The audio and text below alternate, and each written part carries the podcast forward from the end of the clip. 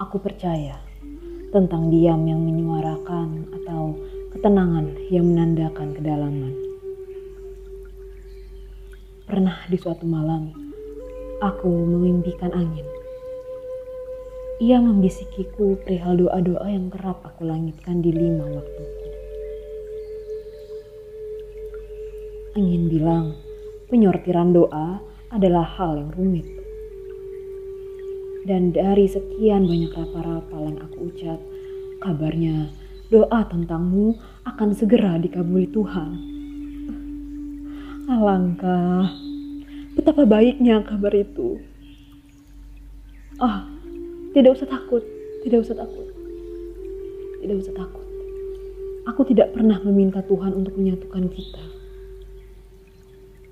Aku memintanya untuk memberimu bahagia yang cukup tidur yang damai, hari-hari yang baik.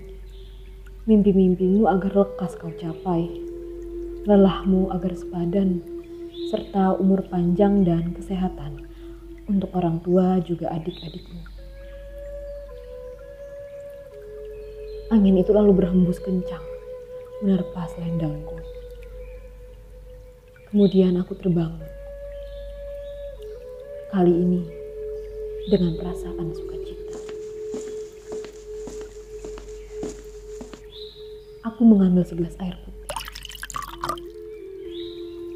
dan meneguknya pelan-pelan. Aku memikirkan mimpi itu.